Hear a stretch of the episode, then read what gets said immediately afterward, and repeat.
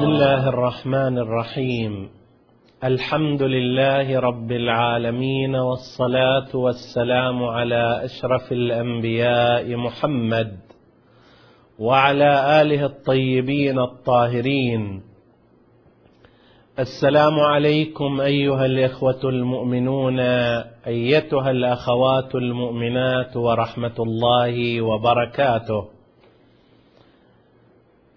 في آخر حديث لنا في دعاء الافتتاح نختتم بهذه الفقرة الأخيرة. اللهم إنا نرغب إليك في دولة كريمة تعز بها الإسلام وأهله وتذل بها النفاق وأهله. وتجعلنا فيها من الدعاة إلى طاعتك والقادة إلى سبيلك وترزقنا بها كرامة الدنيا والآخرة. اللهم ما عرفتنا من الحق فحملناه وما قصرنا عنه فبلغناه اللهم المم به شعثنا واشعب به صدعنا وارتق به فتقنا وكثر به قلتنا واعزز به ذلتنا. واغن به عائلنا واقض به عن مغرمنا واجبر به فقرنا وسد به خلتنا. ويسر به عسرنا وبيض به وجوهنا وفك به أسرنا وأنجح به طلبتنا وأنجز به مواعيدنا واستجب به دعوتنا وأعطنا به فوق سؤل وأعطنا به سؤلنا وبلغنا به من الدنيا والآخرة آمالنا. وأعطنا به فوق رغبتنا يا خير المسؤولين وأوسع المعطين. اشف به صدورنا وأذهب به غيظ قلوبنا واهدنا به لما اختلف فيه من الحق باذنك إنك تهدي من تشاء إلى صراط مستقيم. وانصرنا به على عدوك وعدونا إله الحق آمين. اللهم إنا نشكو إليك فقد نبينا وغيبة ولينا وكثرة عدونا وقلة عددنا وشدة الفتن بنا. وتظاهر الزمان علينا فصل على محمد وآله وأعنا على ذلك بفتح منك تعجله ونصر تعزه وبضر تكشفه ونصر تعزه وسلطان حق تظهره ورحمة منك تجللناها وعافية منك تلبسناها برحمتك يا أرحم الراحمين. بالرغم من أن هذه الفقرة تحتوي على عدد كبير من المعاني فيما يرتبط بالدولة الكريمة التي هي أمل المؤمنين وأمل المستضعفين وما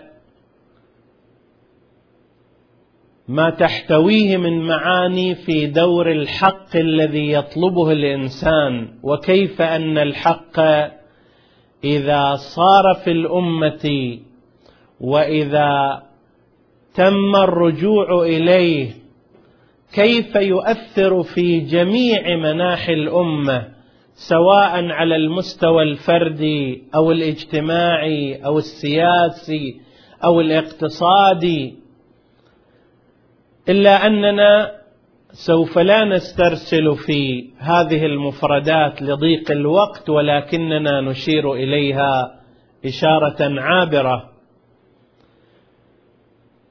في البداية الحديث يرفع من طموح الدعاء يرفع من طموح الإنسان إلى أن يطلب في هذه الدنيا دولة بمقاييس معينة. فلا تكون حاجاته في حدود نفسه أو في حدود أسرته أو في حدود قضاياه الخاصة وإنما يطلب من الله كطموح وأمل وحاجة تلك الدولة التي يعم خيرها على جميع الناس. دولة كريمة. هي كريمة فليست ذليلة وليست خاضعة وليست مرهونة للأجنبي. وأيضا دورها أنها تعز الإسلام وتعز أهله وتذل النفاق وتذل أهله ولعل المتامل يلاحظ أن التركيز هو على النفاق باعتباره أهم الأخطار الداخلية التي تواجه الأمة. خطوط النفاق الخطوط المائلة الخطوط التي ترفع الإسلام كراية وتطعنه كحقيقة. هذه سوف يذل سوف تذل بفعل وجود الدولة الكريمة وتجعلنا فيها من الدعاة إلى طاعتك. يرتقي الدعاء بالإنسان من حالة التفرج وحالة الحياد بل حالة الأمل فقط إلى حالة الرغبة في أن يقوم هو نفسه في صنع تلك الدولة. والمساهمة فيها فلا يكفي أن يدعو الإنسان بأن يصنع الله الدولة أو بأن يقوم غيره بصناعتها وإنما يهيئ نفسه لكي يكون واحدا من العاملين فيها ليس عاملا عاديا وإنما من الدعاة من المؤسسين في وقت يتراخى عنها الآخرون انت لتكن من الدعاة إليها من أصحاب نظريتها من العاملين فيها بل من القادة إلى سبيلك. وترزقنا بها كرامة الدنيا والآخرة. اللهم ما عرفتنا من الحق فحملناه وما قصرنا عنه فبلغناه. كيف ينبغي أن يكون موقفنا تجاه الحق؟ في خطوتين. الأولى أن نطلب من الله أن نتعرف على الحق لأن معرفة الحق شيء مهم جدا وهي تشكل بذلك خريطة المسير. كم من الناس توهموا أنهم على الحق فإذا بهم في نهاية المطاف لم يجدوا إلا السراب الباطل. كم من الناس تصوروا أنفسهم يعملون لله فإذا بهم يعملون للشيطان معرفة الحق تحتاج إلى جهد كبير لأنها الخريطة للمسير وهي تحتاج أيضا إلى توفيق من الله ودعاء من قبل العبد أن يا رب وفقنا لمعرفة الحق وفقنا للوصول إلى الحق. إذا قصرنا عن شيء من الحق أوصلنا إليه. وإذا وصلنا إلى الحق ما وصلنا إليه من الحق يا رب أعنا على تحمل مسؤوليته. وهذا هو الدور الآخر القيام بالحق والعمل بالحق وتحمل مسؤوليته. بعد معرفته لأنه لا يكفي أن يعرف الإنسان الحق. معرفة نظريه بل لا بد أن يقوم بتطبيق ذلك عمليا في حياته.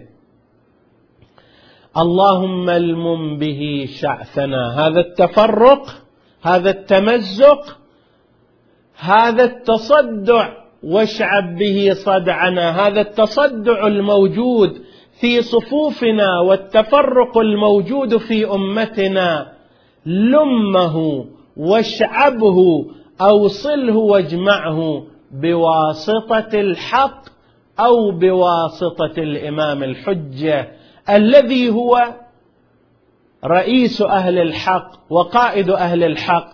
لعل الضمير هنا علم به يعود على أقرب اسم ظاهر وهو الحق ولعله يعود على الاسم المتقدم وهو الإمام ولا اختلاف بينهما. وإن كان الأقرب من الناحية اللغوية أنه يعود إلى الحق لكن يمتزج الأمران هنا. فالإمام المنتظر هو الحق وهو القائد الحق. اللهم المم به شأثنا واشعب به صدعنا وارتق به فتقنا وكثر به قلتنا. مع الحق ودولة الحق أهل الحق كما يقول رسول الله صلى الله عليه وآله أهل الحق جماعة أمتي وإن قلوا. الجماعة في الأمة الكثرة في الأمة هي جماعة الحق وإن كثر من عداهم. وكثر به قلتنا وأعزز به ذلتنا وأغن به عائلنا واقض به عن مغرمنا واجبر به فقرنا. هذه النقائص الاجتماعية وهذه الأمراض وهذا العسر وهذا الفقر إذا ساد الحق لا بد أن يختفي. ما الذي يجعل بلاد المسلمين على وفرة خيراتها فقيرة. ناسها فقراء. ليس ذلك إلا لأن الحق لا يحكم. فما جاء فقير إلا بما متع به غني. وما رأيت نعمة موفورة إلا وإلى جانبها حق مضيع. أما إذا ساد الحق وطبق الحق وجاءت دولة الحق وكان القائد قائدا حقا آنئذ لا مجال لهذه الأعراض والأمراض ويسر به عسرنا وبيض به وجوهنا وفك به أسرنا وأنجح به طلبتنا وأنجز به مواعيدنا واستجب به دعوتنا وأعطنا به سؤلنا فيما يأتي يظهر أن هذه إشارات أوضح لدور الإمام عجل الله تعالى فرجه في استجابة الدعاء. نحن نتوسل برسول الله. اللهم إنا نقسم عليك برسول الله أن تستجيب دعاءنا أن تنصرنا وهذا لا مانع منه لأن نسبة النصر المباشر هي لله سبحانه وتعالى ولكن هناك واسطة في استجابة هذا الدعاء مثلما أن السنن الكونية قد تكون واسطة فإن النبي والإمام والإمام المعصوم وسائط لفيض الله سبحانه وتعالى بعد الدعاء من الله والطلب من الله سبحانه وتعالى نحن نبتغي إليه الوسيلة وابتغوا إليه الوسيلة. ومن الوسائل بل أعظم الوسائل رسول الله وأهل بيته الطيبين الطاهرين وبلغنا به من الدنيا والآخرة آمالنا وأعطنا به سؤلنا وبلغنا به من الدنيا والآخرة آمالنا يا خير المسؤولين. نحن نسألك يا رب نقصدك يا رب لأنك خير مسؤول ولأنك أوسع معط وأكرم معط. لا نقصد سواك ولا نسأل أحدا غيرك ولا نطلب من أحد إلا أنت. اشف به صدورنا وأذهب به غيظ قلوبنا واهدنا به بالإمام بالقائد بالهادي لما اختلف فيه من الحق بإذنك.